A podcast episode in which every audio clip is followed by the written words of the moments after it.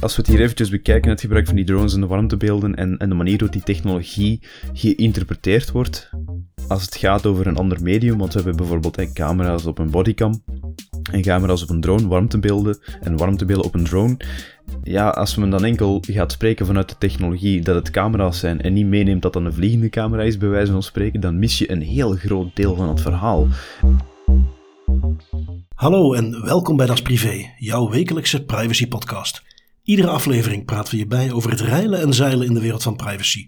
Digitale spionage, boetes, datalekken, nieuwe technologie, privacy tools, oftewel alles wat er in een week gebeurt in privacyland. Ik ben Bart van Buitenen en samen met Tim van Haren hebben wij weer het privacy nieuws van deze week gecureerd en eruit gehaald wat er echt toe doet.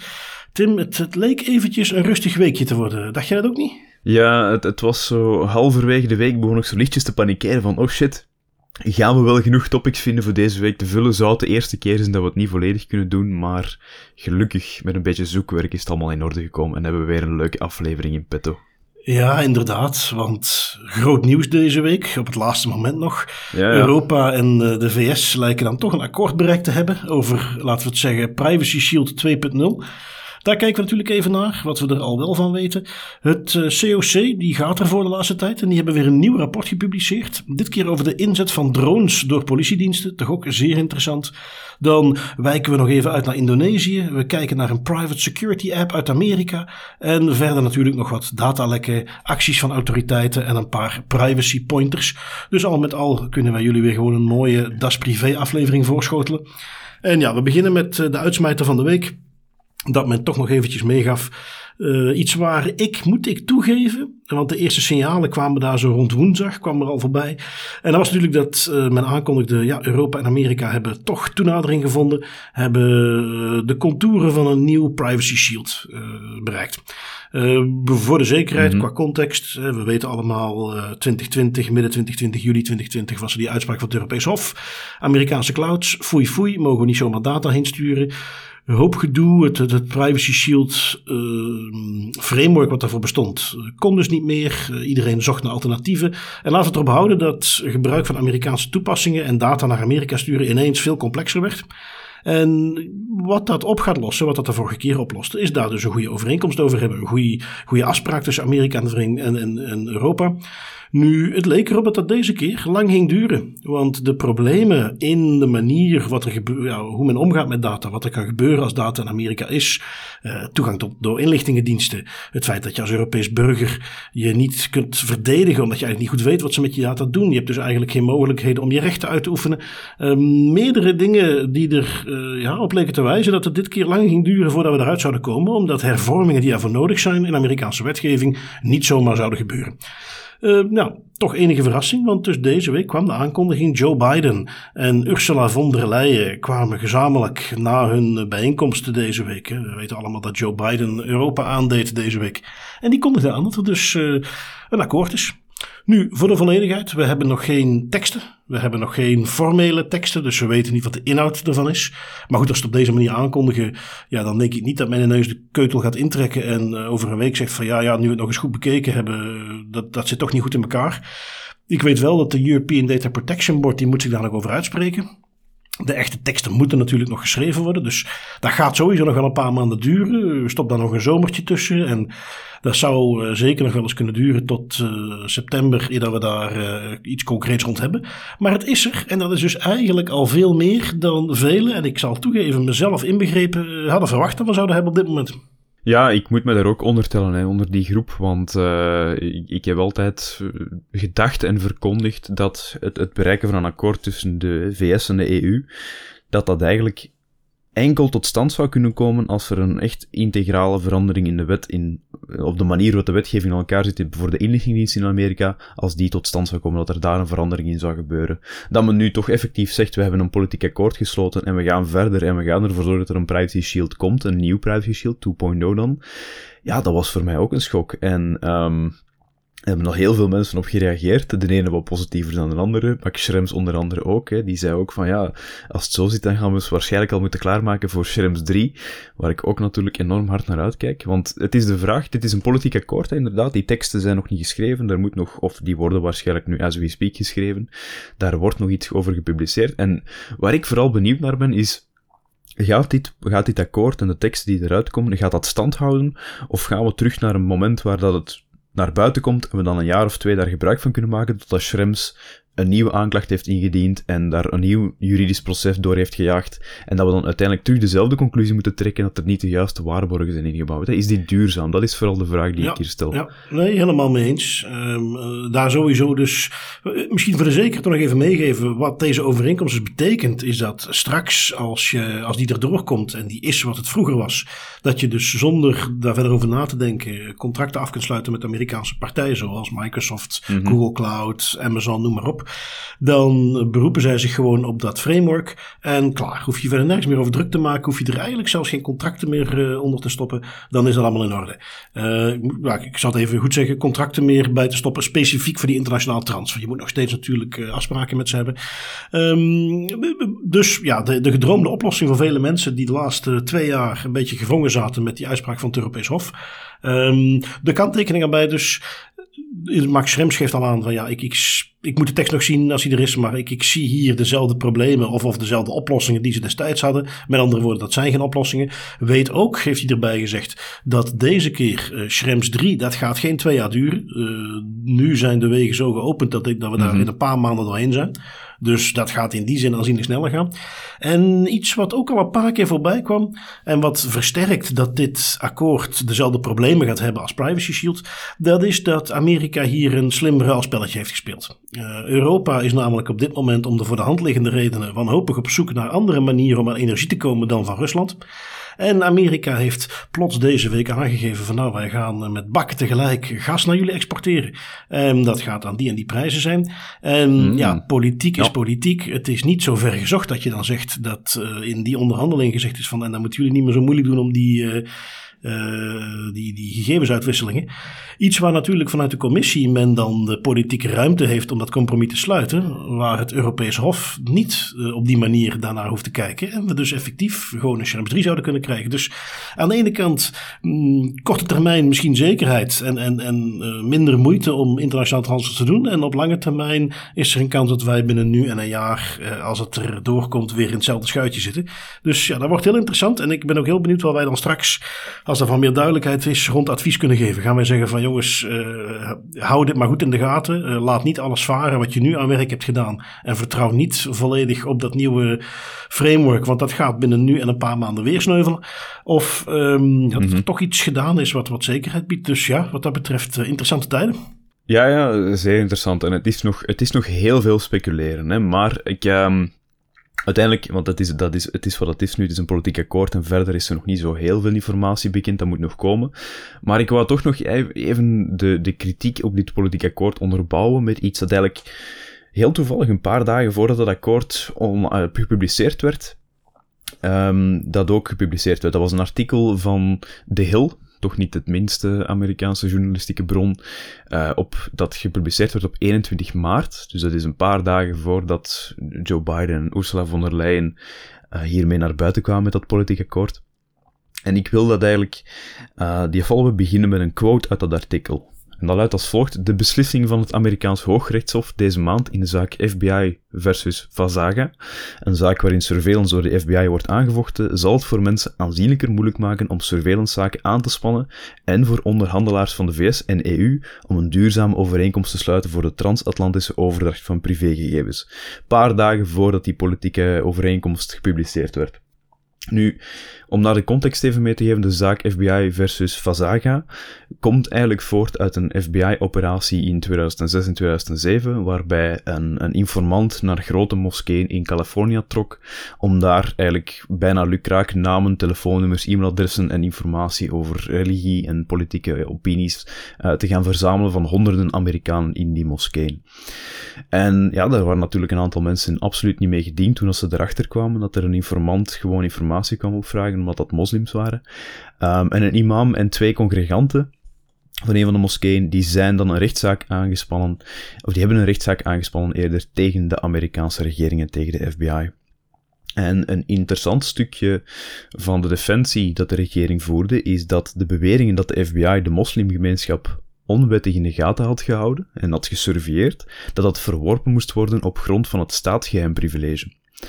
Uh, ik ben dat zelf ook moeten gaan opzoeken wat dat, dat is. En het staatsgeheimprivilege, dat is, dat is een privilege dat het hoofd van een uitvoerende dienst de mogelijkheid geeft om bewijsmateriaal niet te overhandigen aan een rechtbank of aan een rechter, als dat materiaal bij openbaarmaking schade zou berokkenen aan de nationale veiligheid of buitenlandse betrekkingen. Dat ging heen en weer tot uiteindelijk ook in het hooggerechtshof van, van Amerika. Um, en dat oordeelde uiteindelijk dat het congres het voorrecht op staatsgeheimen in spionagezaken niet heeft afgeschaft toen het visa hervormde. Visa is een van de wetgevingen waardoor dat het Schrems 2-arrest er uiteindelijk kwam. De Foreign Intelligence Surveillance Act, die het uiteindelijk mogelijk maakt dat Amerikaanse inlichtingendiensten data kunnen gaan opvragen, ook bij Europese, uh, eigenlijk bij de Amerikaanse cloud providers die data hebben in Europese datacenters. Nu, wat dat oordeel eigenlijk laat zien van het Hooggerechtshof over die zaak, is dat um, iemand die een surveillancezaak wilt aanspannen tegen de Amerikaanse regering en die dat eigenlijk in vraag wilt stellen, die heeft de mogelijkheid om een claim in te dienen op basis van publieke informatie, maar om te bewijzen dat surveillance illegaal was, hebben de meeste mensen meer nodig dan enkel publiek beschikbare informatie. Dan hebben ze ook informatie nodig van de overheid zelf.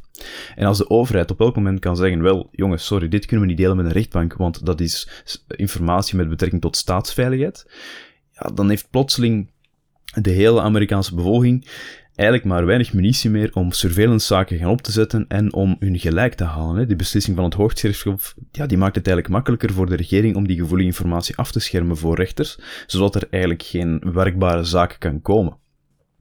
Wat die zaak Fazaga dus eigenlijk doet, is die draagt bij tot het, het bewijs, waar dat wij ook al over hebben gesproken, dat waarborgen in de VS ontoereikend zijn en laat eigenlijk opnieuw zien waarom een arrest zoals het Schrems 2-arrest er uiteindelijk in de eerste plaats kwam kort gezegd, uh, we zijn er nog lang niet. Want dit is inderdaad tekenend voor de bezwaren die het Europees Hof iedere keer had. Hè, van, en, en, dan gaat het hier nog om Amerikaanse burgers, hè, die klassiek meer rechten hebben in die contexten. Ja. En dit werd precies weer gezegd, dit werd op 21 maart gepubliceerd. Ook vooral onder de kop van, nou, uh, maak je borst maar nat Amerika. Want die uh, overeenkomst met Europa rond uitwisselen van gegevens gaat er nu helemaal niet meer komen. En zie daar, nog geen vier dagen later, ineens een gezamenlijke aankondiging. Dus... Um, eh, ook vanuit een praktische kant, omdat ik heel vaak te maken heb gehad met de, de issues die erbij komen kijken. Eh, als je dus een Amerikaanse cloud wilt gebruiken, uh, zou een beetje juridische zekerheid heel erg fijn zijn. Maar tegelijkertijd mhm. gaat het nog even duren voor ik victorie krijg om te zeggen: hé, we zijn er weer. Want uh, ja, dit kan nog wel onderhevig zijn aan wat wijzigingen, zullen we maar zeggen. Um, ja, en wat het artikel ook nog meegaf, om nog even iets op, daarop in te spelen. Um, want ja, het is inderdaad, het is een hele zaak geweest, maar wat de, de, laatste quote in dat artikel sprak mij ook aan, omdat dit eigenlijk ook de essentie weergeeft van het probleem. Hè. Het, is een Amerikaanse wetgeving die ervoor zorgt dat er een probleem is. En dat artikel heeft nog een quote hier. Um, alleen het congres kan de privacyhervormingen doorvoeren die nodig zijn om een duurzame overeenkomst tussen de EU en de VS tot stand te brengen. En ik denk dat dat de crux is van heel het verhaal. En dat kan nog wel een politiek akkoord zijn nu, maar zolang dat die wetgeving in Amerika niet worden aangepast en er geen juridische safeguards bij komen, zijn we eigenlijk een beetje rond de pot aan het draaien. Ja, uh, we zullen het zien. We zullen het zien. Um, dus we hadden er nog eentje iets dichter bij huis. Het COC heeft weer een uh, rapport gepubliceerd. Mhm. Het COC, wel bekend als, laten we zeggen, de, de gegevensbeschermingsautoriteit, maar dan voor de politiediensten. En die ging over het gebruik van drones binnen de politie. Um, interessant, want ja, uiteraard uh, de ontwikkelingen bij de politie staan ook niet stil. Drones hebben heel veel potentie als het gaat om informatie vergaren. Dus dan is het logisch dat de politiediensten denken van, mm, dat is interessant, daar gaan wij ook een graantje van meepikken. Nu, um, de aanleiding voor het onderzoek van het COC was uh, toen ze voor het eerst met die, die drones gebruik in aanraking kwamen, was ten tijde van COVID. Uh, we hebben toen wat artikeltjes gezien waarin in bijzonder in dit geval politiezone Karma in Genk uh, aangaf van ja, wij gebruiken drones om de handhaving van de coronamaatregelen te toetsen. Uh, daar kwam natuurlijk in de media, daar kwam een, storm van reacties op. En dus het COC heeft wat vragen ingestuurd naar uh, politiezone Karma. En kreeg daar antwoord op. En een van de dingen die daaruit bleek, is van ja, goh, wat is hier nu eigenlijk het bezwaar? Wij gebruiken al negen jaar die drones. Um, Ja, dat was toen toch een wake-up call van, oh, goh, al negen jaar. Ja, dus, dus het is eigenlijk niet specifiek beperkt tot de COVID-context. Daar komt het nu toevallig mee in de media. Maar ja, dan wordt het toch tijd, dachten ze bij het controleorgaan, dat we daar eens een fatsoenlijk onderzoekje aan gaan wijden. Uh, dat hebben ze gedaan. Uh, dat is uh, deze week gepubliceerd. En ja, daar komen een aantal interessante dingen uit. Eén ding wat mij dan toch weer opvalt, wat daar uh, steeds in terugkomt, is iets wat we ook vorige week al aanhaalden. Toen hadden we het over het rapport wat het COC gepubliceerd heeft over Clearview binnen politiediensten. Dat is ook iets wat dus al um, uh, ja, waar, waar uh, op aangegeven werd, er zit hier een aantal misvattingen binnen de politiediensten. Men ziet bijvoorbeeld het gebruik van Clearview vergelijkbaar met het, het raadplegen van andere openbare bronnen op het internet. Want ja, daar komen al die foto's toch vandaan. Ja, dat is niet zo. De manier hoe dat via Clearview wordt aangeboden, daar ging natuurlijk dat vorige rapport over, is iets heel anders. En, en hier zie je dat een paar keer terugkomen. Um, Zo'nzelfde vergelijking die men namelijk probeerde te maken is van ja, maar drones dat is toch gewoon hetzelfde als een bodycam. Uh, en ja, bodycams, daar hebben we ondertussen een kader voor. Dus ja, dan zijn die drones ook geen probleem. Ja, dat is iets waar het COC het toch niet helemaal mee eens was. Uh, zoals het uh, zelf zo mooi aangaven in het rapport. Die vergelijking gaat in het geheel niet op. Er is qua privacy-intrusiviteit geen enkel mobiel cameragebruik dat de vergelijking kan doorstaan met het cameragebruik door middel van een drone. Die boodschap dringt niet tot onvoldoende door bij alle actoren, zowel geïntegreerde politie als politieoverheden ja, dat is geen uh, mis te verstaande boodschap. Um, en, en dat, is, dat vind ik opvallend, gewoon al vanwege het feit dat het dus iets is wat, ja, waar een politiedienst toch met materiaal aan de slag gaat, waar uh, iedere burger meteen aanvoelt dat heeft een behoorlijke impact op mensen en privacy. En waar men dan hier kennelijk een relatief simpele opvatting maakt. Ongetwijfeld niet met kwade bedoelingen, maar toch iets waarvan je meteen denkt van, goh, bodycam, dat zit vast, dat zit op de grond, hangt aan een politieagent vast. Um, drone vliegt in het rond, heeft een camera, valt niet op. Ja, dat dat niet hetzelfde is, uh, dat is toch uh, opvallend dat, ja, misschien is het iets van uh, wishful thinking. Hè? Dat, oh, die redenatie komt ons goed uit, laten we dat maar toepassen, dan kunnen we het gebruiken. ik weet het niet, maar in ieder geval, dat kwam uh, naar voren door het COC als van ja, dat, uh, daar, daar moeten we toch iets mee doen. Nu, daar stopt het niet, want men uh, ging dan verder kijken hoe die drones worden ingezet. En iets wat ook nog voorbij komt, is het feit dat er warmtebeeldcamera's op die drones gezet kunnen worden. Um, daar weer zo'nzelfde soort misvatting. Daar is een uitspraak van het Hof van Cassatie. Die ging over het gebruik van warmtebeelden. En daarvan, uh, uit die specifieke uitspraak kwam van ja, dat, zijn, dat is geen stelselmatige surveillance. En dat betekent dus dat daar uh, dezelfde dingen die je moet doen om gebruik te kunnen maken van zo'n warmtebeeld, als het wel stelselmatige surveillance zijn, die gelden niet. En dus werd hier weer gezegd van oké, dus als wij zo'nzelfde soort camera op een drone monteren, nou mooi, dan zijn we ook weer safe. Waarbij uh, dus hier ook het COC weer aanhad van ja, kijk, een warmtebeeldcamera die je ergens van buitenaf gebruikt om zicht te krijgen op aanwezigheden, is iets anders dan een warmtebeeldcamera op een drone die boven een huis hangt, waar mensen individueel op zichtbaar zijn. Waar je dus wel degelijk dingen uit kunt halen en waarmee je de onschendbaarheid van uh, de huis, de thuisomgeving, uh, meteen uh, ja, dat, daar gaat. En ja, goed, daar hebben we dus weer zo'nzelfde misvatting van ja, maar god is toch gewoon een warmtebeeldcamera zoals alle andere. En dat, dat vond ik gewoon heel opvallend. En, en opnieuw, ik, ik, ik vraag me dan heel erg af, is dat dat stukje wishful thinking van nou we willen die drone zo graag gebruiken, dus laten we er maar een beetje naartoe redeneren? Of is het nu dat men gewoon echt denkt dat dat, dat, dat kon op die manier? En, en ja, als ik het heel cru mag zeggen, het ene is een beetje cynisch en evil van oh, dat gaat eigenlijk niet, maar weet je wat, we redeneren er wat naartoe. En het andere is gewoon dom. Uh, want iedereen mm. die daar een beetje over na kan denken, die snapt dat dat niet hetzelfde is. Dus ja, opvallend. Um, voor de rest zegt de COC nog van ja, nog een ander probleem waar we met die drones hebben. Op het moment dat jij uh, camera's gebruikt, ja, die moeten kenbaar zijn. Uh, net zoals dat we langs de weg uh, ANPR-bordjes zien staan. Als er trajectcontroles zijn, staan er bordjes. Als er flitscamera's zijn, staan er bordjes. En waarom is dat? Ja, op het moment dat je dat niet doet, dan heb je het over heimelijke surveillance. En dat is uh, aan een veel strenger wettelijk kader onderworpen. Uh, zo'n drone, ja, dat, daar moet je dus ook mee uitkijken. En zoals het er nu voor staat, in de meeste gevallen hangt zo'n drone ergens in de lucht. Ja, uh, wat is het verschil tussen een politiedrone of een private drone? Wie zal dat zeggen? En ja, natuurlijk een probleem, want dan zijn die dus niet kenbaar. En dan heb je dus eigenlijk over heimelijk filmen. En dat is weer iets wat veel minder makkelijk inzetbaar is. En zeker niet op de manier waarop het nu ingezet wordt. Dus daar weer een probleem. En tenslotte, want ja, wat dat betreft, het was een heel uh, ontnuchterend rapport, moet ik zeggen. Um, haalt het COC nog even aan dat er ondertussen ook uh, video management software in gebruik is. Oftewel centrale platformen waar je via een, nou, zie het als een soort webbrowser of een systeem live kunt meekijken met die beelden. Waar die beelden allemaal gecentraliseerd worden. En waar men in de toekomst verwacht dat je toegaat naar een systeem zoals dat voor de ANPR is. Dat dat echt een, een landelijk dekkend net is waar alle drones op aangesloten zijn, waar je live kunt meekijken. En waarmee je dus eigenlijk een soort bijzondere gegevensdatabank aan het aanleggen bent. Maar waar het wettelijk kader, wat dat nu regelt, want opnieuw op het moment dat je het hebt over een, een, een bijzondere databank van de politie, dan hangen daar allerlei uh, juridische uh, kaders aan vast. Dan zijn er bepaalde waarborgen ingebouwd over hoe je daarmee om moet gaan. En dat is hiervoor nog niet geregeld. Dus ja, uh, samengevat, het, het, COC ziet daar aardig wat problemen. Uh, dat rapport, het valt me trouwens altijd op in, in de, de rapporten van het COC, de conclusies en aanbevelingen, die zijn redelijk genuanceerd. En, en zeker met die aanbevelingen, daar geeft mij gewoon aan, dit is wat we eraan moeten doen. Maar, maar de concrete bevindingen die erin staan, als je het hele rapport doorleest, die zijn toch meestal wat, wat, wat sappiger. Um, maar goed, aanbevelingen die ze dus meegeven is van ja, uh, die misverstanden die moeten toch de wereld uit. Dus uh, maak maar eens een ministeriële richtlijn waar het allemaal duidelijk in zit. Waar ook onderscheid wordt gemaakt tussen de soorten en maten van drones die je hebt. Wanneer de bewaartermijnen starten van die beelden. En dus niet zoals kennelijk nu ook weer werd aangenomen. Uh, die bewaartermijn die start pas als we iets met die beelden gaan doen. Nee, die bewaartermijn die start op het moment dat je opneemt. Um, raad ook aan om die drones kenbaar te maken. Verwijst ook naar de politiezone in Ieper die daar een, een oplossing voor heeft door er een blauw zwaailichtje op te zetten. Of door ze op een bepaalde reflecterende manier, op die manier kenbaar te maken.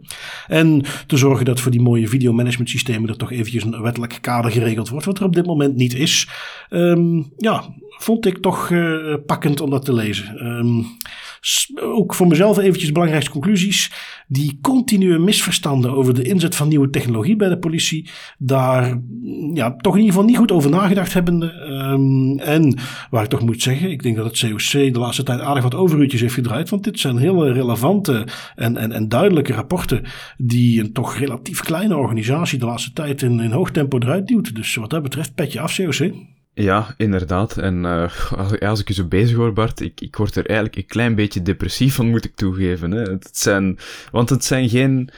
Uh, allee, als we, het, als we het hier eventjes bekijken, het gebruik van die drones en de warmtebeelden en, en de manier waarop die technologie geïnterpreteerd wordt, als het gaat over een ander medium, want we hebben bijvoorbeeld hè, camera's op een bodycam, en camera's op een drone, warmtebeelden en warmtebeelden op een drone ja, als men dan enkel gaat spreken vanuit de technologie dat het camera's zijn en niet meeneemt dat dat een vliegende camera is, bij wijze van spreken, dan mis je een heel groot deel van het verhaal. En dat zijn, dat zijn structurele problemen, maar dat zijn dingen die niet onoplosbaar zijn. ik ben heel blij dat het COC met zo'n rapport komt, want uiteindelijk zijn dit heel simpele misvattingen. Hè? Dat, zijn, dat zijn simpele dingen die je relatief snel de wereld uit kunt brengen, maar het is echt wel nodig dat je die benoemt en dat je echt wel onderstreept van jongens, dit is van een andere grootorde, hier gaan we wel echt iets aan doen. Ja, maar het is, het is toch precies dat. En, en dat is ja, eh, goed, ik snap dat je zegt, ik word er een beetje depressief van. Het idee dat je zegt een camera die aan een poppetje vasthangt, die ook kenbaar gemaakt moet worden, dat zien we ongeveer hetzelfde als een klein machientje wat in de lucht hangt, wat je niet ziet en wat vervolgens een bird's eye view heeft over alles wat er in en om een huis gebeurt. Ja, dat is toch uh, dat is toch net even iets anders. Dus nee, maar, maar goed, inderdaad, laten we zeggen. Um, en dat is inderdaad goed om dat ook eens te benadrukken. Het COC kaart dat aan, maar geeft ook mee dat, daar, dat het ook ergens misschien ook gewoon een kwestie is van de juiste wettelijke kader scheppen en de juiste instructie voorzien. Want dat drones, mits correct ingezet, mits onderworpen aan de juiste waarborgen, een grote toegevoegde waarde kunnen zijn voor handhavingsdiensten, ja, dat staat buiten kijf natuurlijk. Um, nu, niet alleen in uh, België worden uh, overheidsdiensten, inlichtingendiensten geconfronteerd met nieuwe technologie. We hebben er ook eentje meegenomen die wat van over de grens komt. Um, je hebt het CTIVD, dat is een toezichtsorgaan in Nederland wat toezicht houdt op de inlichtingendienst. En dan om precies te zijn, de AIVD en de militaire inlichtingendienst. Um, die, ja, ik moet zeggen dat dat toezichtorgaan, als, je zou het een beetje moeten vergelijken met het comité even denken, comité ons. Die trouwens ook recent nog een rapportje gepubliceerd hebben. Daar heb ik het zo nog kort over. Um, maar waar ging dit rapportje nu over? Uh, over het gebruik van um, geautomatiseerde OSINT tools. Uh, OSINT, we hebben het al eens over gehad, wat net nog over. Open Source Intelligence, oftewel bronnen die je publiek raadpleegbaar op het internet kunt vinden. Die je kunt gebruiken in inlichtingenwerk. Belangrijk ook om eventjes mee te nemen dat de AIVD en de MIVD, dat zijn inlichtingendiensten. Dat zijn dus de diensten die wel degelijk het mandaat hebben om dat soort surveillance te kunnen doen. Waar bijvoorbeeld de politie die dat soort tools zou gaan gebruiken, daar überhaupt niet mag. Mag de AIVD en de MIVD dat wel? Maar um, behalve dat men dus geautomatiseerde tools gebruikt, is men ook op een rijtje gaan zetten welke tooltjes dat zijn. En wat ik trouwens interessant vond in het rapport, ze benoemen ook specifiek een aantal van die tools. Ik ken die niet. Um, het is ook een beetje buiten ons, ons werkgebied natuurlijk. Dus iets anders dan een mediabedrijf of een, een multinational die een tooltje gebruikt om social media in de gaten te houden. Dit gaat echt wel een stapje verder. Maar je hebt dus geautomatiseerde tooltjes. Zie het als een soort Clearview, maar dan gericht op niet zozeer gezichten, maar echt ja, opnieuw de, de publiek beschikbare bronnen. En dus voor een dienst die daarmee om mag gaan. Dus uh, die tools op zich is niet iets waar een probleem is. Daar is ook niet wat het CTIVD zegt, je mag die nooit gebruiken. Waar ze wel tegenaan zijn gelopen bij het maken van het rapportje, bij het onderzoeken daarvan, is dat er iets te veel uh, vertrouwd wordt op dat die tools wel in orde zullen zijn. Dat men dus uh, de AIVD iets minder, de MIVD iets meer, die tools gaat gebruiken. Maar dat zijn commerciële tools, daar betaal je natuurlijk ook voor. En die tools die verrijken hun informatie. Die gaan dus allerlei andere bronnen gebruiken om de informatie die ze aanbieden te verrijken. En dan kom je op een probleem. Want dan blijken daar eh, bijvoorbeeld datasets tussen te zitten waar locatiegegevens van burgers in zitten. Um, die door Amerikaanse partijen gretig verzameld worden. Eh, we hebben hem al een paar keer aangehaald. Je herinnert je dat verhaal van die priester die geconfronteerd wordt met het feit dat hij, uh, als hij op missie was, steeds grinder gebruikte. Um, iets wat in het priesterschap uh, toch een beetje met gefronste wenkbrauw naar gekeken werd. Die ook ontslag moest nemen. Daarvan was niet helemaal duidelijk van ja, waar komen die gegevens nu vandaan? Maar dat kwam dus van zo'n databroker die die gegevens verkocht. Wel, diezelfde databrokers verkopen die tools of die gegevens ook aan de aanbieders van die OSINT tools tools. En kan het dus gebeuren die als inlichtingendienst door gebruik te maken van zo'n toeltje ineens in een situatie zit waarin je illegaal verkregen gegevens aan het verwerken bent en je dus een, een serieus probleem hebt, want die gegevens hoor je nooit te hebben. Nou, de CTIVD is niet zo ver gegaan met te zeggen: uh, bij deze verklaren wij met zekerheid dat jullie die tools gebruiken, dat er dat soort gegevens in zitten. Maar wat ze wel zeggen, en daar zijn we bij een wederkerend puntje bij dit soort uh, verhalen en diensten: je hebt ook niks gedaan om vast te stellen of het zo is. En dat is iets wat wij toch van harte even aanraden. De meerwaarde van dit soort tools is duidelijk, maar ook hier ga je even moeten kijken hoe komt de data in die tools. En voordat je die tools gaat gebruiken, moet je even een fatsoenlijk onderzoek doen, zodat je straks niet in een situatie zit dat je gebruik maakt van illegale gegevensdatabronnen die überhaupt nooit ter beschikking hadden mogen staan. En ja, dat is de klassieker met Clearview, dat is de klassieker met uh, drones, uh, allerlei mooie tools, maar je moet wel even gaan kijken als dienst of dat past binnen het wettelijk kader dat je hebt. En waar kennelijk toch keer op keer blijkt dat dat niet goed genoeg gebeurt. En uh, dus ook hier weer. Ja, dat is, ik ga gewoon exact hetzelfde zeggen wat ik hier net heb gezegd. Ik, het is opnieuw deprimerend, hè, want het, is, het zijn opnieuw redelijk evidente zaken weten welke tools je gebruikt, hoe dat je daar goed mee omgaat binnen de wettelijke kaders. En als dat niet duidelijk is, ja, dan moet men daar eigenlijk duidelijkheid in kunnen scheppen. Zij het door wettelijke kaders aan te vragen, of daar een alarmbel te trekken en ervoor te zorgen dat die er komen. Of door ze gewoon op een andere manier te gebruiken, dat dat wel binnen een wettelijk kader valt. Maar ja, het, het geeft inderdaad wel een, een bijna structureel probleem weer bij de verschillende inlichtingendiensten, bij federale, bij politionele eenheden, etc., dat men wel graag gebruik maakt van tools. En ik geloof ook oprecht, en dat wil ik nog wel even duidelijk zeggen, met de beste bedoelingen. Dat, dat moet ik ook nog wel even onderstrepen in deze discussie. Maar als men met zo'n misvattingen daaraan begint, ja, dat, dat wordt heel snel heel gevaarlijk in mijn ogen. En dat wordt heel snel iets waar je niet zomaar van terugkomt. Nee, nee en, en, en dat het uh, een kwestie is van toch een bepaald awareness te creëren. Dat uh, je er uh, beter onderzoek aan moet doen voor die tools gebruikt. En dat je die, die basisprincipes zouden we iedereen moeten kijken. Het proportionaliteit van het gebruik. en, en, en waar komen die gegevens vandaan? De, de, de klassieke DPIA-analyse eigenlijk als het ware. dat dat vaker moet gebeuren. iets waar ik overigens alle diensten van Das Privé aanbiedt om daarin mee te werken. Lijkt me heel interessant om daar eens een projectje rond te doen.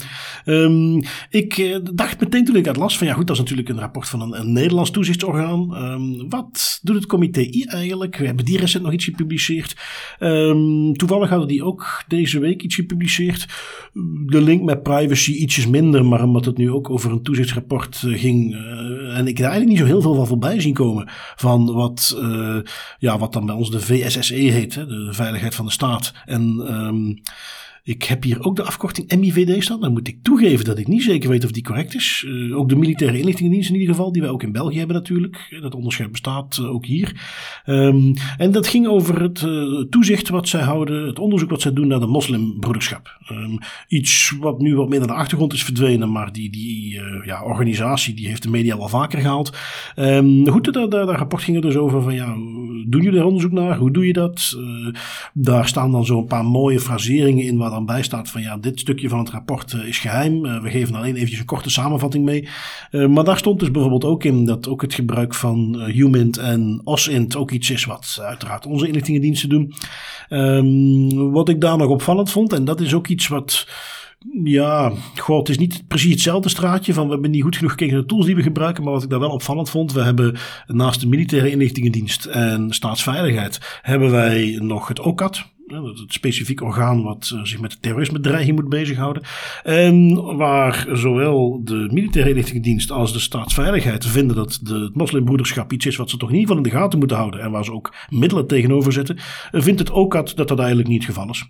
En uh, als het comité I dan vroeg van, goh, maar uh, ja, als twee inlichtingendiensten zeggen van wel en jullie zeggen van niet, moet daar dan niet eens een keer een babbeltje over gedaan worden. Blijkt dat daar nooit overleg over is geweest. Dat vond ik toch wel heel erg opvallend. Uh, en niet verrassend dat het comité I dus ook aanraadt van, ja, daar moeten jullie toch maar eens even over samen gaan zitten, want één van jullie twee heeft het verkeerd. Dus... Ja, dat is dan de keer dat je wel data wilt gaan delen. Hè? Ja, Even om gewoon te bepalen van, hey, uh, zitten we weer allemaal op dezelfde lijn of gaan we het nu wel of niet doen?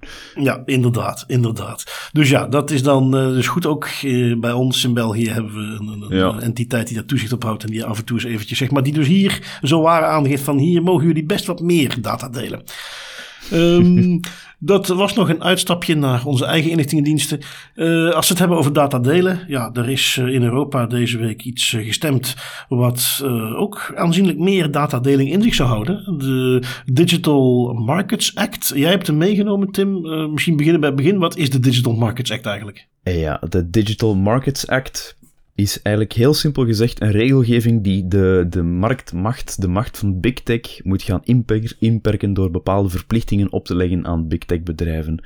En donderdag inderdaad hebben onderhandelaars van de EU daar een akkoord over bereikt. De nieuwe Digital Markets Act, die komt er officieel. Die moet nog wel van kracht gaan, maar er is dus nu zekerheid dat die er komt. En er staat heel veel in, maar de reden dat ik hem vooral heb meegenomen nu is... Um, omdat daar iets interessants in staat waar wel al, al, al, heel vaak over gediscussieerd is geweest en nu eindelijk verandering in zal komen. De Europese Unie gaat zich namelijk richten op de zogenaamde poortwachters. Dat zijn grote techbedrijven die een aanzienlijke impact kunnen hebben op uh, de interne markten van lidstaten en zogezegde poorten voor toegang tot klanten exploiteren. Daarbij mag je, als je dat even praktisch moet bekijken, uh, denken aan WhatsApp, Facebook, Messenger, iMessage, uh, van die chatapplicaties die eigenlijk een heel groot deel van de mensen hun communicatie in handen hebben. En de, de, een van de interessantste uitkomsten uit die Digital Markets Act voor ons is dat die nieuwe act de verplichting oplegt aan grote messagingdiensten zoals Facebook en zoals iMessage, Apple, om interoperabiliteit aan te bieden met kleine messagingsplatforms. Dus als je dat even heel praktisch moet voorstellen, dat wil concreet zeggen dat wij binnenkort, als die act er uiteindelijk komt, dat wij tussen WhatsApp en Signal heen en weer kunnen sturen tussen de verschillende applicaties. Dat lost een heel groot probleem op, hè, want uiteindelijk vroeger was het zo, ja, ik ben WhatsApp beu, privacy en ik wil overschakelen naar Signal, maar ik weet dat heel mijn familie en al mijn vriendenkringen nog altijd op WhatsApp zitten, ga ik die wel meekrijgen, fear of missing out, FOMO, en het hele spelletje begint. Nu gaat het zo zijn, iedereen kan gewoon zijn eigen applicatie kiezen en het zou interoperabel moeten zijn, wat dat echt wel een hele grote stap voorwaarts is in mijn ogen. Ja, um, maar ik blijf wat dat betreft een beetje zitten op het, het gat wat er bestaat tussen dat daar nu het juridisch kader voor geschapen is om interoperabiliteit mogelijk te maken en uh, dat dat ook technisch kan. Ja, ja. Veel van die diensten die, uh, zijn end-to-end encrypted. En het is technisch verdorie niet zo evident om eventjes cross-platform uh, end-to-end encrypted diensten te gaan maken. Er is een reden waarom uh, Facebook destijds zei van ja, Instagram, WhatsApp, Facebook Messenger, die drie van ons, die gaan allemaal samen praten. En dat dat nu jaren later nog steeds niet het geval is. Dus ik ben heel benieuwd hoe ver dat ook gaat doen. Um, wat ik daar nog wel wil meenemen is, het, het kan wel. Um, Matrix, uh, als je het tooltje wat, of het, het, framework uh, wat ligt onder de tool die wij ook gebruiken in onze DAS Privé Community, Element, hè, wat ook encrypted chat app is, um, die is interoperabel. daar zie je in andere communities, bij ons hebben we dat niet opgezet, maar in andere communities zie je daar regelmatig mensen die posten in een kanaal via hun Telegram applicatie. dus dat ze daar een, een, een bridge hebben opgezet tussen Telegram en Element of en Matrix zodat mensen die vanuit hun Telegram client ergens willen posten, dat dat kan. Dus die interoperabiliteit, er zijn wel voorbeeldjes van. Maar, uh, en ik moet ook toegeven, dat is iets wat ik niet zomaar zelf bedacht heb. Maar op uh, Twitter zag ik een aantal redelijk bekende cryptografen erover bezig waren. Van jongens, dat is toch aanzienlijk makkelijker om het te zeggen dan het effectief te doen. Um, dus ik ben heel benieuwd hoe men dat gaat handhaven, hoe men dat gaat opleggen. En of het niet misschien gaat betekenen want vergeet niet, wij hebben in de GDPR ook zo'n principe van dataportabiliteit. Uh, waarbij je eigenlijk uh, formeel zou dat moeten betekenen. Ik moet in staat zijn om mijn gegevens van de ene dienst over te nemen naar de andere. Wat dat in de praktijk betekent is dat de meeste diensten, uh, LinkedIn, Facebook, etc., de grote jongens zeker, die hebben wel een mogelijkheid om je gegevens in een, een, een HTML of CSV, een relatief universeel formaat te exporteren. Maar dat het zeker nog niet zo is dat ik vervolgens even mijn LinkedIn data kan meenemen naar Facebook en daar een nieuw profiel op starten en dat voeden met mijn LinkedIn data. Zeker niet. um, en, en ik ik, vind, ik verwacht dan dat het misschien ook op zoiets gaat stranden hier. Want die echte interoperabiliteit, hoe graag ik dat ook zou willen. Um, nou ja, dat zeg ik nu wel, maar eigenlijk zit ik helemaal niet te wachten om alle dingen die ik gedumpt heb zodra ik WhatsApp achter me liet, om die nu op Signal te gaan krijgen. Maar goed, dat gezegd zijnde, het idee is mooi. Um, maar dat in de praktijk doorvoeren, dat zie ik eigenlijk gewoon niet gebeuren. Nee, dat, dat, zal, dat, dat gaat inderdaad een gigantische uitdaging worden. Hè? Want we spreken hier over niet alleen een nieuwe technologie opzetten die interoperabiliteit mogelijk maakt, maar ook die technologie op de een of andere manier kunnen integreren in de bestaande technologie waar WhatsApps en Facebook Messengers en iMessage van dat gebruik van maken. Het is niet van de grond af aan opbouwen. Het is effectief iets proberen integreren in iets dat op een bepaalde manier werkt, wat dat dubbel lastig is, denk ik. Ja, en ja. Uh, wat, het is grappig dat je dat zegt, hè, van die interoperabiliteit tussen, of, of het feit dat je gegevens kunt, zou kunnen overdragen van de ene social media app naar de andere. Um, in de announcement van, van de Europese Unie uh, over die Digital Markets Act staat ook dat het nu vooral gaat over messaging apps, maar dat zij wel de intentie hebben om die interoperabiliteit ook um, toe te gaan passen op social media in de toekomst. Dus dat zal ook nog een interessante uitdaging worden. En of dat het technisch mogelijk is of niet, dat zullen we zien. Maar ik ben, ik ben vooral heel enthousiast en optimistisch om te zien dat dit nu eindelijk iets is dat gepusht wordt en dan de big tech bedrijven daarop losgelaten worden en daar met een oplossing moeten komen. Ja. Dat vooral. En we zullen wel zien wat er uit de bus komt, maar ik ben blij dat ze het pushen. Ja, ja, ja. Want laten we toch nog eventjes kort een, een ander stokpaardje van ons en natuurlijk ook van gewoon de Europese uh, lidstaten ervan stal halen. Dit breekt de macht van big tech weer verder af, hè, door hen te verplichten Absoluut, om te zijn. Maak je het makkelijk om over te schakelen. Maak je het ook makkelijker voor kleine bedrijfjes, zolang die maar die uh, uitwisseling mogelijk maken om ook in die markt te springen. En dan zijn we terug op dat puntje dat dit ook weer gaat helpen om die Europese digitale soevereiniteit verder uit te bouwen. En dat is iets waar je toch ziet dat het echt op heel veel vlakken om te doen is. Um, even zien, wat heb ik nog meegenomen? Een artikeltje uit Data News. De link met privacy is misschien een beetje licht, maar ik vond hem gewoon interessant om zeker even mee te nemen. Ook omdat um, OVH of OVH, die komt vaak voorbij als uh, ja, een Europese provider van datadiensten, uh, clouddiensten, toch een van de grotere. Maar die zaten een tijdje, een tijdje geleden kwamen die redelijk slecht in het nieuws, omdat zij brand hadden in hun datacenter.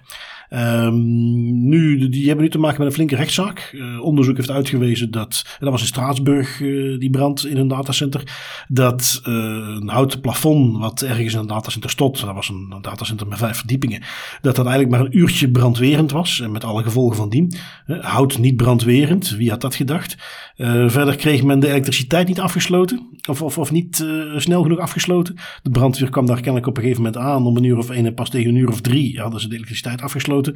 Uh, dat op het moment dat je flink gaat blussen, dat elektriciteit afzetten ook een behoorlijk kritisch, kritiekpunt is. Dat behoeft weinig toelichting. Um, twee van de vier datacenters die er daar zaten, waren toen afgebrand. De rechtszaak gaat nu ook over dus een heel aantal van de klagers die data kwijt waren geraakt. En een uitspraak van de advocaat van de klagers vond ik dan nog wel apart. Die geeft dan aan wat de reden ook is waarom ze nu schade willen verhalen. Want die waren zich kennelijk niet bewust van het nut van additionele backups. Het is er wel eentje waar ik, eh, als we het dan nog eens een das privé, das beter mee willen geven. Als jij met heel je hebben en houden in de cloud zit. En alles zit bij één provider. En alles zit op één fysieke locatie. Dat jij dan zelf nog apart backups moet nemen. Is iets wat je wel hoort te weten. En uh, ik ben benieuwd, want dat is dan uh, het vervolg van deze rechtszaak. Je ziet nu steeds vaker dat er in dat soort uitspraken een balans gezocht wordt tussen wat is de zorgplicht van uh, dit soort aanbieders van diensten. Waarbij je zegt van ja, sorry, dit had je gewoon beter moeten regelen. Dit is iets waar de klant niet over na hoeft te denken. Uh, naar beveiliging toe zie je dat steeds vaker terugkomen. En dat dus effectief zo'n dienstenaanbieder veroordeeld wordt voor het vergoeden van de schade. Ook al heeft de klant zelf niet gevraagd om bepaalde maatregelen, maar dat de rechter zegt van ja, dit, dit hoort er gewoon bij. Als onderdeel van jouw zorgplicht had je dit gewoon op zijn minst een paar keer aan moeten bieden. En dus hier in dit geval, waarbij uh, ongetwijfeld OVH gaat zeggen van ja, maar kijk, uh, die, die additionele backups, ja, dat, dat, dat, hebben jullie zelf niet geregeld. Daar kunnen wij ook niks aan doen dat dat vervolgens gebeurd is. Uh, want daar zal hier de discussie dan over gaan. Is dit iets wat OVH had moeten aangeven van let op, hou wel in de gaten in jullie servicepakket. Op dit moment staat de data allemaal in hetzelfde datacenter. Daar moet je misschien er nog eens iets mee doen. Of is het iets mhm. wat ze wellicht wel heel duidelijk hebben aangegeven. En waar dus de klant zelf eh, de fout is. Dat, dat, dat, dat is waar het hier uiteindelijk om zal gaan. En dat vond ik nog interessant om eens mee te geven. Ja, ik vind, ik vind die uitspraak van die advocaat van de klagers vooral interessant. Hij waren zich niet bewust van het nut van additionele backups. Dat doet mij meteen denken aan Um, een van de acties die je kan uitvoeren, als we het hebben over, als we het een beetje risicomanagement technisch gaan bekijken, een van de acties die je kan uitvoeren om risico's te managen, om risico's te gaan behandelen, is je kan dat risico overdragen naar iemand anders of naar een derde partij. En dat is wat er vaak gebeurt met het gebruik van die cloud providers. Je gaat bepaalde risico's nu eenmaal overdragen naar die cloud providers. Maar wat je dan niet mocht vergeten is, je gaat het overdragen, maar dat risico blijft bestaan. En bijvoorbeeld het, risico op verlies, het risico dat heel uw hebben en houden afbrandt, dat zal dan niet meer lokaal uw eigen kantoor zijn, maar dat zal dan het datacenter zijn van in dit geval OVH. Maar dat betekent niet dat jij als bedrijf zomaar kan zeggen van oké, nu kunnen we achteroverleunen en is het allemaal maar dik in orde, want we hebben het risico overgedragen. Je hebt nog altijd een due die je daar moet gaan nemen en je moet zelf nog gaan nadenken van ja, stel dat het daar bij OVH fout gaat, wat doen we dan? Ja, het enige wat je dus steeds vaker ziet, en, en, en daar ben ik wel benieuwd naar, daar weet ik ook niet hoe OVH dat doet, is dat uh, ik verwacht dat hier OVH de verantwoordelijkheid heeft om ergens dat te benoemen. Om ergens aan te geven van klant, let op. Ja, nu staat alles op één locatie, daar hangen risico's aan vast. Uh, hier is een oplossing om het te voorkomen. Wil je dat niet, geen probleem, maar dan ben je in ieder geval op de hoogte gesteld. En ja, geen idee, maar daar, daar zal denk ik het hier op neer gaan komen in hoeverre uh, men OVH daar verantwoordelijk voor kan stellen. Um, nu mm -hmm. springen dan meteen weer een heel stukje verder, want uh, zo waar, ook in Indonesië heeft men nu een nieuwe internetwetgeving uh, de wereld ingeroepen. Wat valt daarover te zeggen, Tim, wat jij hebt meegenomen? Ja, de, de link met privacy is ook hier misschien een beetje ver te zoeken, maar ik vind het altijd wel interessant om te zien hoe dat overheden proberen om het internet te bedwingen. Hè. Dat is er een, een artikel van Reuters, um, en dat artikel meldt dat op basis van anonieme bronnen, dat Indonesië werkt aan een nieuwe wetgeving die onwettige informatie op online platformen moet tegengaan. En de, de anonieme bronnen zeggen mogelijk dat het een van de strengste wetten wereldwijd wordt op dit gebied. Um, het zal dan gaan over zaken zoals veiligheid, terrorisme, kinderpornografie, de, de Holy Trinity al terug, en openbaar orde. Die laatste is best wel interessant, want ja, openbaar orde, dat kan je heel ruim gaan interpreteren. Wat valt er allemaal onder? Dat is een beetje afhankelijk van wat de overheid uh, belangrijk vindt, denk ik. En zou redelijk snel intreden, in juni al. Dus we gaan dat uh, de komende zomer zien aankomen als die bronnen kloppen. Nu, wat daar, wat de reden dat het zo streng is, en de reden dat ik het heb meegenomen, is omdat die wetgeving gaat een bliksemsnelle reactietijd eisen van technologiebedrijven. Het is namelijk zo dat in die wetgeving zal staan dat uiterlijk vier uur nadat een overheidsinstantie content als onwettig heeft bestempeld en een dringend verzoek tot verwijdering indient, dat die content offline moet worden gehaald door het platform. Vier uur, dat is niks, hè. Verzoeken met minder urgentie, daar staat een maximumtijd op van 24 uur. Dus dat is al een hele dag. Maar wat dan nog, dat is, dat is heel kort. En alle overheidsinstanties uit Indone of in Indonesië kunnen zo'n aanvraag doen. Dus het is niet dat het allemaal gecentraliseerd wordt. Als één overheidsinstantie zin heeft om iets te bestempelen als onwettig, en dat, lukt en ze geraken erdoor, en dat moet dringend verwijderd worden, dan heeft een technologiebedrijf, een social media bedrijf bijvoorbeeld, vier uur de tijd om dat te verwijderen. Dat is bliksemsnel. Als bedrijven niet reageren, dan worden ze per bericht beboet. En hoe langer het bericht online blijft, hoe hoger de boete per dag. Dus dat is ook nog wel eens even um, evident hoe streng en hoe heftig dat het daar aan toe gaat. Nu, als je denkt van, ja, hoe groot is die impact nu? Indonesië behoort tot de tien grootste markten voor social media bedrijven. Dus ik denk dat dat geen klein systeempje gaat zijn om op te zetten voor al die social media bedrijven als zij zo'n bliksemsnelle reactietijd willen faciliteren. Nee, en, en denk je dan deze randverschijnseltje? Want ik heb even rap iets opgezocht van, ja, Indonesië. Ja, oké, klein landje, we moeten ons daar nu heel erg druk om maken. Maar toch tot mijn eigen mhm. verbazing moet ik toegeven. Ja, klein landje dacht ik niet, maar uh, hoeveel inwoners denk je dat Indonesië heeft? Oh, Oh, ik was nooit goed in aardrijkskunde. Um, even denken, hè. Laten we zeggen... ook in, in, in de honderden miljoen. In de... 50 miljoen? Okay, oh, nou, honderden uh, miljoen al. Shit. Ja, 200 miljoen, laatste bot. 270 miljoen. Uh, en uh, qua bruto okay. nationaal product, zevende van de wereld. Uh, boven Frankrijk, ja, het Verenigd Koninkrijk. Uh, om maar te zeggen, dat is geen klein landje. En dus uh, de, de verschillende partijen, of wie dit van toepassing gaat zijn, ook social media, die gaan echt van hun best doen om daaraan te voldoen, lijkt mij. Dus om dat even te kaderen, dit, het is nogal wat om in een land waar 270 miljoen inwoners, om dan zoiets op te leggen als ja, en overigens binnen de vier uur, waar dan ook, op welk platform dan ook, moet het verwijderd zijn. Ik vind dat, dat is knap. weten we of die wet er al is, of dat dit eerder een een, eh, een voorstel is. Um, dit, is, dit is een wetgeving die er zou komen in, die zou in juni intreden, volgens de anonieme bronnen. Nu, die anonieme bronnen, Reuters heeft die niet geverifieerd, dus ik weet niet hoe goed dat die informatie klopt natuurlijk. Okay. Maar er zijn wel indicatoren dat erop wijzen dat het in juni zou intreden, dus het is waarschijnlijk een wetgeving waarvan dat er al een draft beschikbaar is, die dan gepubliceerd zal worden ergens de komende maanden. En dat is, ook, dat is ook de reden dat ik hem mee heb genomen. Dat is weer zo'n een poging um, om het internet aan banden te leggen, omdat en het is interessant, want in die wetgeving staat onder andere dat het gaat over content met betrekking tot de veiligheid, terrorisme, kinderpornografie of openbare orde. Um, nu, terrorisme en kinderpornografie, daar valt minder over te discussiëren, maar veiligheid en openbare orde, ja, dat is heel afhankelijk van wat het een, wat een overheid bepaalt dat daar belangrijk is. Dus ja, daar gaan we een beetje moeten kijken hoe dat, dat zichzelf um, ontwikkelt, want de mogelijkheden voor misbruik zijn daar ook eindeloos. Ja, inderdaad. Oké, okay, uh, interessant om te zien. En, en, en, zeker ook opnieuw, omdat het dus toch zeker geen uh, klein landje is. Uh, misschien dat we daar een trendsetter vibe gaan krijgen. Dat men dat op andere plekken gaat volgen. Hmm. Even kijken, wat hebben we nog meegenomen? Een artikeltje uit Nederland. Waar we een, een klassieker terug zien komen. privacyregels zetten armoedebestrijding in de weg. Wat is hier aan de hand? Ja, hier is, hier is veel aan de hand. Uh, de Nederlandse minister voor armoedebeleid, Carola Schouten, die maakte recent een, een opvallende uitspraak die me toch wel een klein beetje triggerde. Uh, ze zei, privacyregels zitten inderdaad armoedebestrijding soms in de weg. En ze verwijst daarmee specifiek naar het, het voorbeeld van de aanvullende inkomensvoorziening ouderen. Uh, wat dat een, een aanvullende Nederlandse inkomensvoorziening is voor mensen die eigenlijk geen volledig basispensioen hebben opgebouwd doorheen heel hun leven. En het is zo dat de Sociale Verzekeringsbank, de instantie die deze voorziening eigenlijk moet uitvoeren, die zou in vele gevallen wel weten wie dat daar recht op heeft, maar volgens Schouten mag die informatie niet gedeeld worden van de privacywet. En ze zegt, en dat vind ik ergens wel terecht, het zou handig zijn als die informatie gebruikt kan worden om ervoor te zeggen dat die aanvullende inkomensvoorziening bij de juiste mensen terechtkomt, dat die mensen ook een beter leven kunnen leiden. Dat is allemaal heel nobel. Maar dan zeggen van, ja, dat is, het, het mag nu niet van de privacywet, vind ik een beetje kort door de bocht. Hè. Ze zegt zelf um, dat het nu al overigens gebeurt in beperkte mate, het delen van die gegevens tussen verschillende instanties binnen de kaders van de privacywet. Maar dat is blijkbaar toch met obstakels. En daar wil Schouten verandering inbrengen door het debat aan te gaan in de Tweede Kamer in Nederland. Um, waar eigenlijk de intentie blijkt dat zij de vraag wilt stellen: wat is hier, of vindt de Tweede Kamer hier nu belangrijker? Privacy of armoedebestrijding?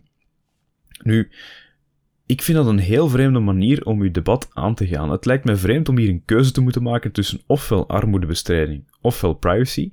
Waarom kan het niet, waarom kan het niet beide? Waarom kan je niet naar het debat gaan en zeggen, kijk, wij zitten hier met een probleem, we willen eigenlijk aan bepaalde data waar we nu wettelijk gezien niet aan mogen. Is er een mogelijkheid om eraan te kunnen binnen de, de spelregels, binnen de, de privacywetgeving en het kader dat daarvoor is opgebouwd? Ja, ik vrees dat dit gewoon weer een klassieker is zoals we die continu zien.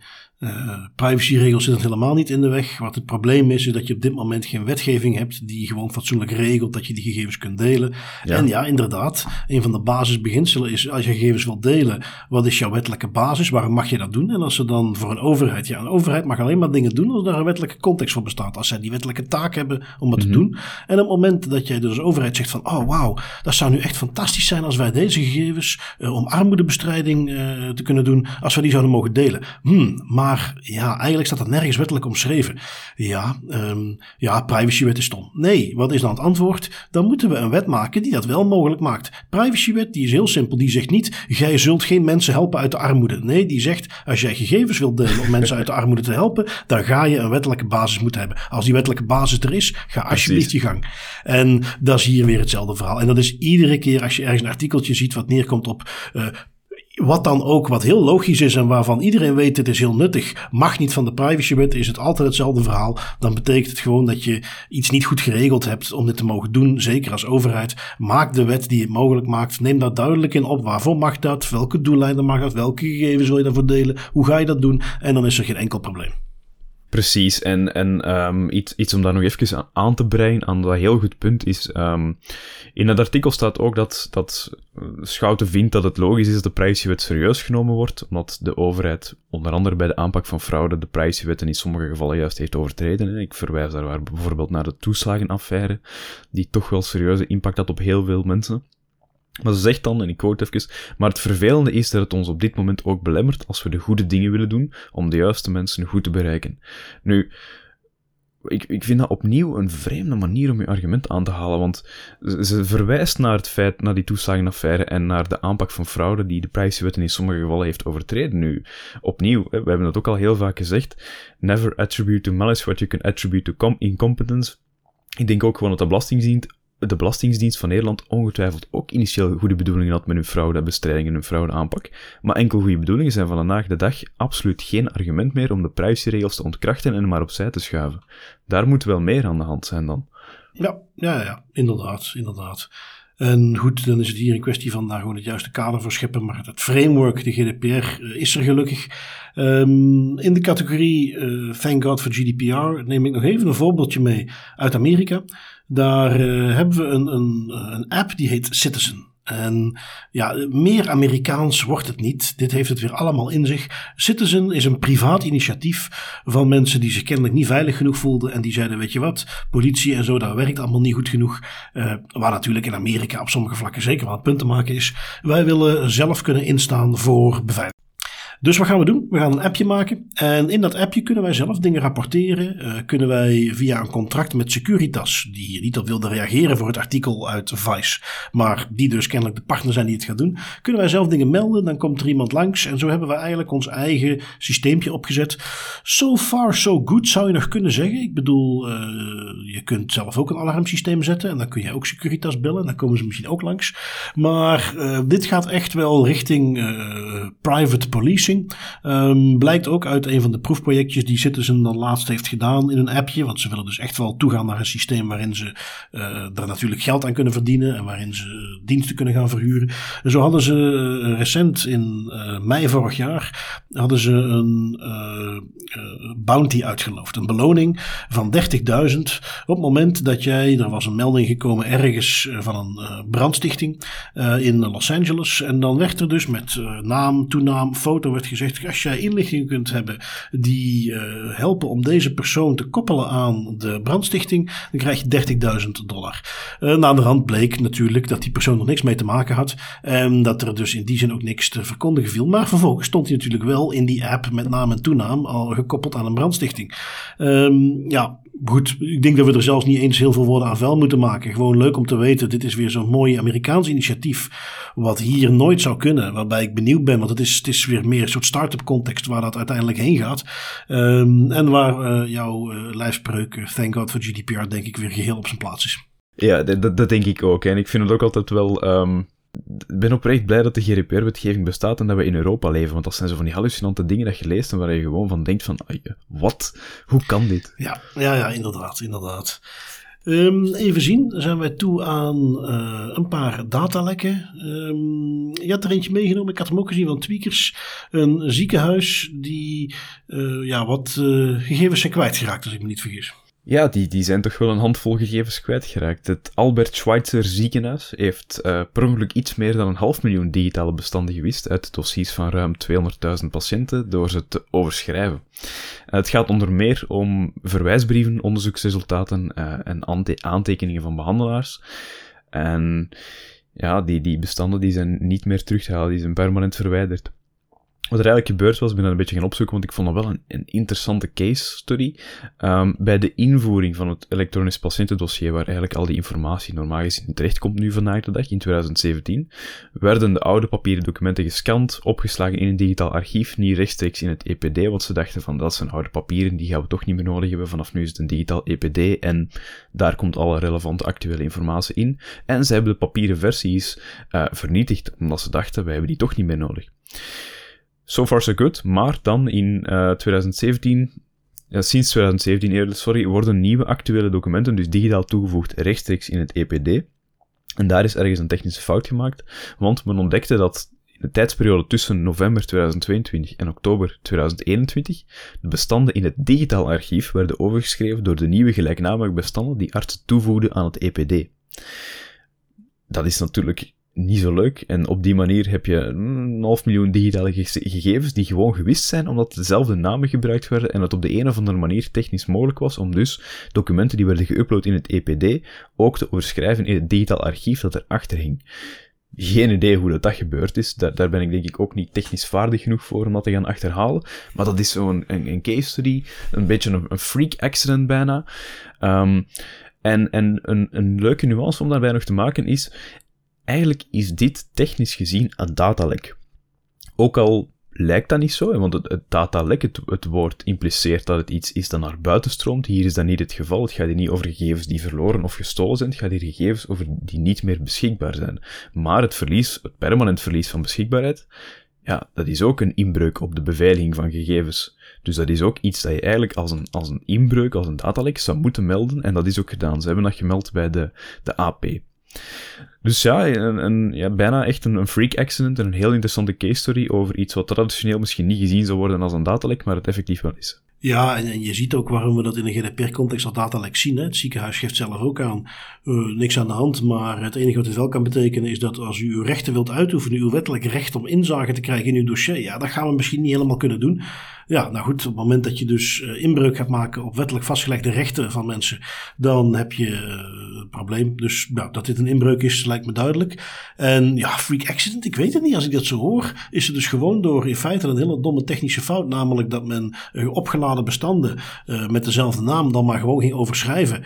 Ja, dat lijkt mij, ik bedoel, jij en ik weten allebei als wij uh, op onze computer ergens een bestandje neer willen zetten en dat heeft dezelfde naam als iets anders. Ja, dan krijg je een pop-upje van hé, hey, wacht eens even, die staat er al. Wil je ze allebei houden of moet ik ze overschrijven?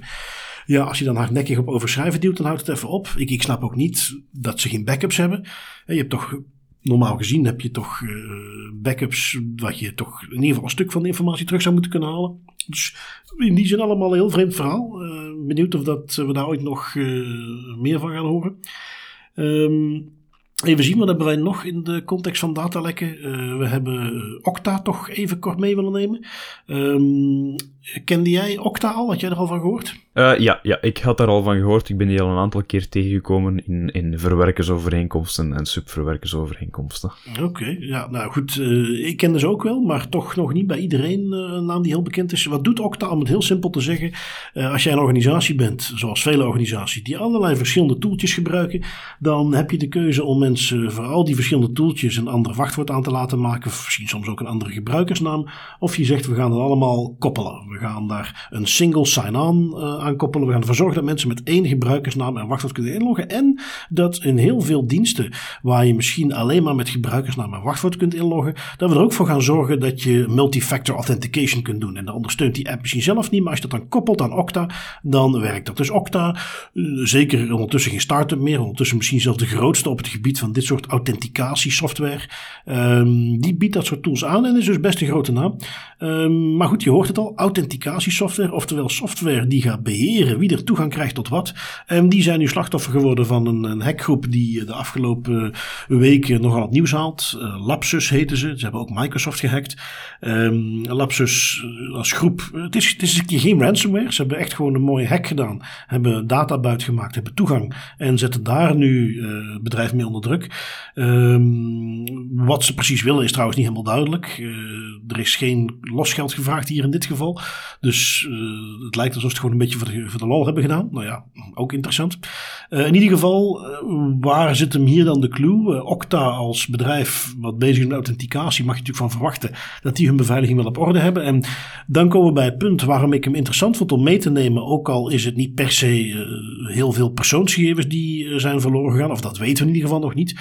Maar Okta gebruikt, zoals zoveel bedrijven, ook weer onderaannemers. En in dit geval zien we een mooie keten waarbij Okta gebruik maken van een onderaannemer. En die onderaannemer die had dan toevallig recent een half jaar geleden een ander bedrijf overgenomen. En dat bedrijf, wat nu al helemaal geïntegreerd is. Nou, iedereen die wel eens overnames heeft gedaan, die weet dat dat niet in een half jaartje allemaal beklonken is. En dat bedrijfje eh, was dus nu verantwoordelijk voor het verlenen van support. En had toegang tot onder andere de systemen van Okta, omdat zij dus voor hen werkte. En bij bij dat bedrijfje was er een engineer die zijn computer open had laten staan. Waar de eh, remote desktop session, eh, met andere woorden, een systeem waarmee je op afstand toegang kunt krijgen tot de computer, uh, was niet goed geconfigureerd. Lapsus is daar binnengekomen. Zagen vervolgens dat die persoon op zijn computer mooi de verbinding naar het Okta-systeem had openstaan. Binnen dat systeem kon je kennelijk wachtwoorden resetten van gebruikers. Kon je multi-factor authentication tokens resetten. Met andere woorden, je kon een andere telefoon koppelen of je kon een ander koppelen voor multifactor authentication. Dus echt wel gevoelige toegang. Uh, wat hier dan extra saillant aan is, is dat Okta dat niet goed heeft aangekondigd. Dat ze eerst zeiden van, ah, hier is niks aan de hand. We hebben ergens in januari is wel iets gebeurd. Maar, uh, oh, wacht eens even, januari. Het is nu maart. Waarom horen we dat nu pas? Ja, daar waren ze dan ook niet helemaal duidelijk in. Um, een paar persberichten later blijkt dat er dan toch wel honderden klanten zijn die daaronder te lijden hebben gehad. En als je een beetje tussen de lijnen leest en lapsus moet geloven, dan zijn er voor die honderden klanten is er een groot risico dat voor veel van hun gebruikers wachtwoorden gereset konden worden, nieuwe devices erop gekoppeld konden worden. En er dus potentieel, en dat gaan we de komende periode dan zien, uh, heel veel klanten zijn die door de hack van Okta ineens ook een lek hebben bij henzelf, omdat mensen dus toegang kunnen krijgen via het Okta-systeem. En dat wordt heel interessant. Ja, dat, dat, dat, wordt, dat is heel interessant. En dat is ook interessant om te zien hoe Okta um, hun meldingen heeft gedaan. Hè, want dat, dat was op een duur bijna hallucinant aan worden. Om te, om te kijken bijvoorbeeld op Twitter dat er bepaalde persberichten naar buiten komen. Okta heeft een persbericht gepubliceerd en zegt hierin dit en dat. En dan een half uur of een uur later een persbericht met daarin de screenshot van de hackersgroep van Lapsus waarbij dat ze elk punt van Okta gewoon weer leggen met screenshots van kijk, nee, we zitten hier effectief wel binnen en kijk, ja, dit is wat we dus effectief wel allemaal hebben gevonden. Dat is dus hallucinant om na te denken, want je hebt hier inderdaad een bedrijf dat zich eigenlijk ook bezighoudt met, uh, met authentication en eigenlijk met security, dat daar toch wel iets meer van zou moeten weten, jongens. Dat is geen start-up, dat is echt wel een bedrijf dat daar een bepaald, dat daar echt wel vaardig in zou moeten zijn. En dat die daar op zo'n manier over communiceren. En dan eigenlijk, ja, een hackersgroep die daar komaf mee maakt en dat echt in de pan hakt door gewoon de screenshots te, te gebruiken om te weerleggen wat dat, wat dat ook al zegt. Dat is, dat is fascinerend om te zien aan de ene kant, maar ook uh, ik denk dat dat nog een hele goede case die gaat zijn over hoe dat je dus geen incident meldt naar uw, naar uw klanten en naar de betrokkenen toe. Nou ja, wat, wat uh, een ander, uh, ergens op security land zag ik het voorbij komen dat ze zeiden van dit krijg je dus als je dat soort meldingen laat schrijven door advocaten in plaats van door mensen die er rechtstreeks bij betrokken zijn. Ja. Want dan gaan ze allerlei weaseltaal ja. gebruiken om niks te hoeven zeggen wat misschien net iets te veel zou zijn. En dan krijg je dus dit soort oncorrecte berichtgeving. ik hoorde ook iemand zeggen die aangaf, ik krijg hier een hele sterke there are no tanks in Baghdad internetlink. Um, om toch een idee te geven wat dat ook voor sommige inhoudt. Cloudflare, een klant van Okta, niet bepaald het kleinste bedrijf. Die hebben dus alle wachtwoorden van alle gebruikers die in de laatste vier maanden zijn gereset, hebben ze opnieuw gereset. Omdat ze dus niet zeker weten, gelet op de berichtgeving ook van Okta, is dat nu iets wat, wat die persoon zelf heeft gedaan of is dat iets wat een hacker heeft gedaan die op die manier probeerde toegang te krijgen. Nu goed, uh, zien of we die later nog terugkomen als dat er nog een verder staatje gaat krijgen en we dat wel rechtstreeks kunnen koppelen aan grote datalekken ook van persoonsgegevens. We hebben nog kort een paar dingen van autoriteiten. You will respect my authority! Tim, je hebt er eentje van de Garante die Kaspersky gaat onderzoeken. Ja, ja, is geen boete, maar inderdaad een onderzoek dat gaande is. Um, dus vooral iets om in het oog te houden. De Italiaanse Grante die heeft een onderzoek gestart recent naar Kaspersky. En uh, specifiek om de risico's die het Russische antivirusbedrijf vormt voor de verwerking van persoonsgegevens in kaart te brengen. Het is weinig verrassend natuurlijk. De aanleiding daarvoor is opnieuw de oorlog in Oekraïne en de adviezen van onder andere de Duitse inlichtingendiensten, uh, die we vorige week denk ik nog hebben meegenomen, die ook al waarschuwden dat de software gebruikt kan worden voor cyberaanvallen. Garante had zoiets van oké, ja, daar moeten we zeker ook op springen en hij heeft nu een onderzoek gestart. En ze stellen een aantal vragen aan Kaspersky, die uh, wel interessant zijn, waar ik eigenlijk heel benieuwd naar ben wat er uit de bus gaat komen. Ik hoop dat ze die informatie gaan publiceren. Ze vragen namelijk het aantal en het soort Italiaanse klanten en wat voor persoonsgegevens ze verwerken. Dat is op zich iets minder interessant, maar de volgende twee puntjes zijn wel interessanter. Um, ze vragen zich vooral ook af ze willen eigenlijk dat Kaspersky duidelijk maakt of er persoonsgegevens buiten de EU worden verstuurd, met name naar Rusland. En last but not least vraagt de garante ook hoeveel verzoeken Kaspersky het voorbije jaar kreeg van derde landen, waarin werd gevraagd naar informatie van Italiaanse gebruikers. Gewoon om al een beeld te scheppen van hoe groot het risico eigenlijk is dat daar effectief misbruik van gemaakt zou kunnen worden in eh, de context van de oorlog in Oekraïne benieuwd of de garant daar uh, iets van zinvolle antwoord op krijgt, was er ook iets mee kunnen. Um, om, om, verder onze slogan uh, geen das privé zonder IPD in te vullen. Die hebben we weer. En, en we zien weer een, een samenwerking met de AP. Uh, iets wat kennelijk al een paar keer gebeurt. een Nederlander merkt iets op, is daar niet happy over, doet een klacht zoals ze wel vaker doen. En dat gaat dan in dit geval over een Spaans bedrijf. Dus de AP geeft het door aan de AIPD. Uh, eh, dit ging over Michael Page, eh, misschien wel bekend bij sommigen als een recruitmentbedrijf.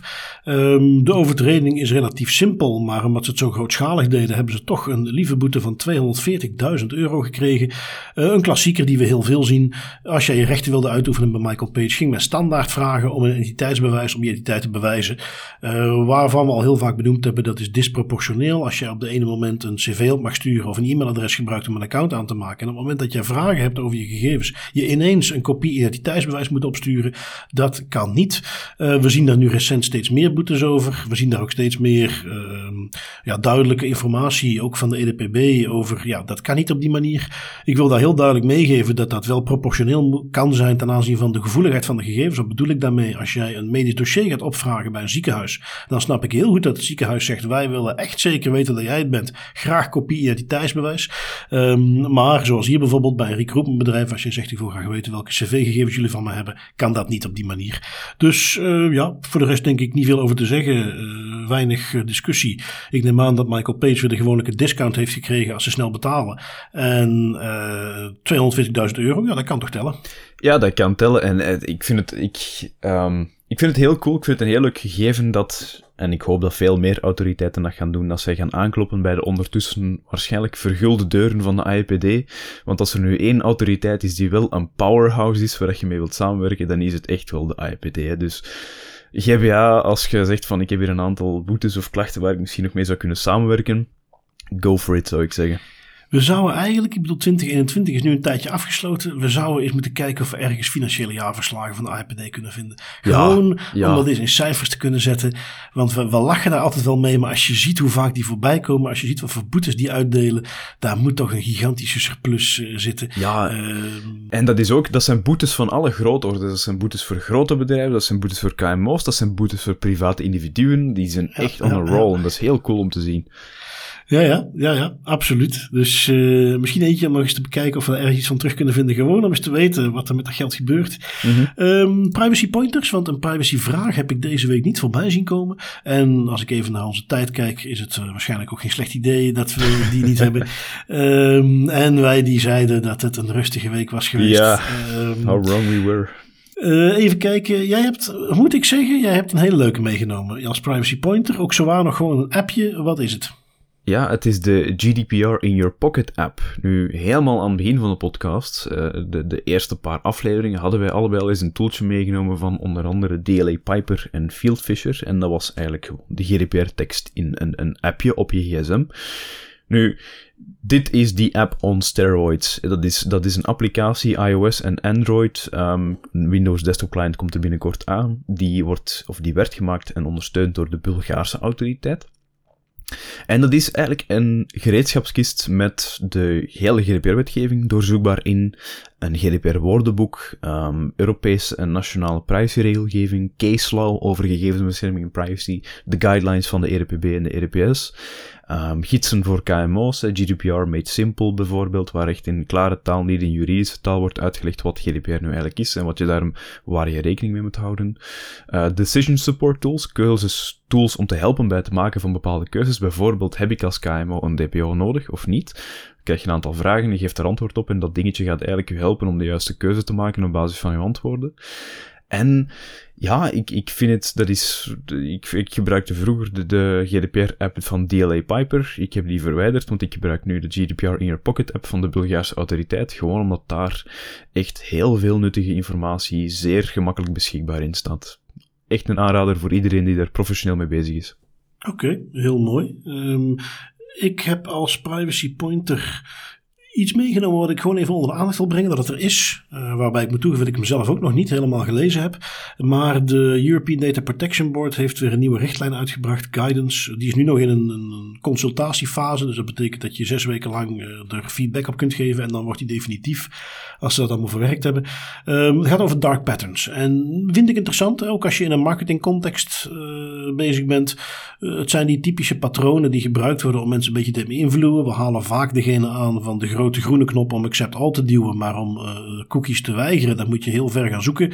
Um, dat is een voorbeeldje. Er zijn heel veel voorbeeldjes en in die guidance overlopen ze die ook. En uh, ja, ik moet zeggen, en ze geven dan ook aan van ja, wat kan er in een, in een GDPR-context wel of niet. Waarbij ze dus ook laten zien dat sommige van die dingen, ja, het zijn misschien wat smichterige trucjes, maar illegaal zijn ze niet. Uh, dus in die zin heb je een keuze of je die wel of niet wil toepassen.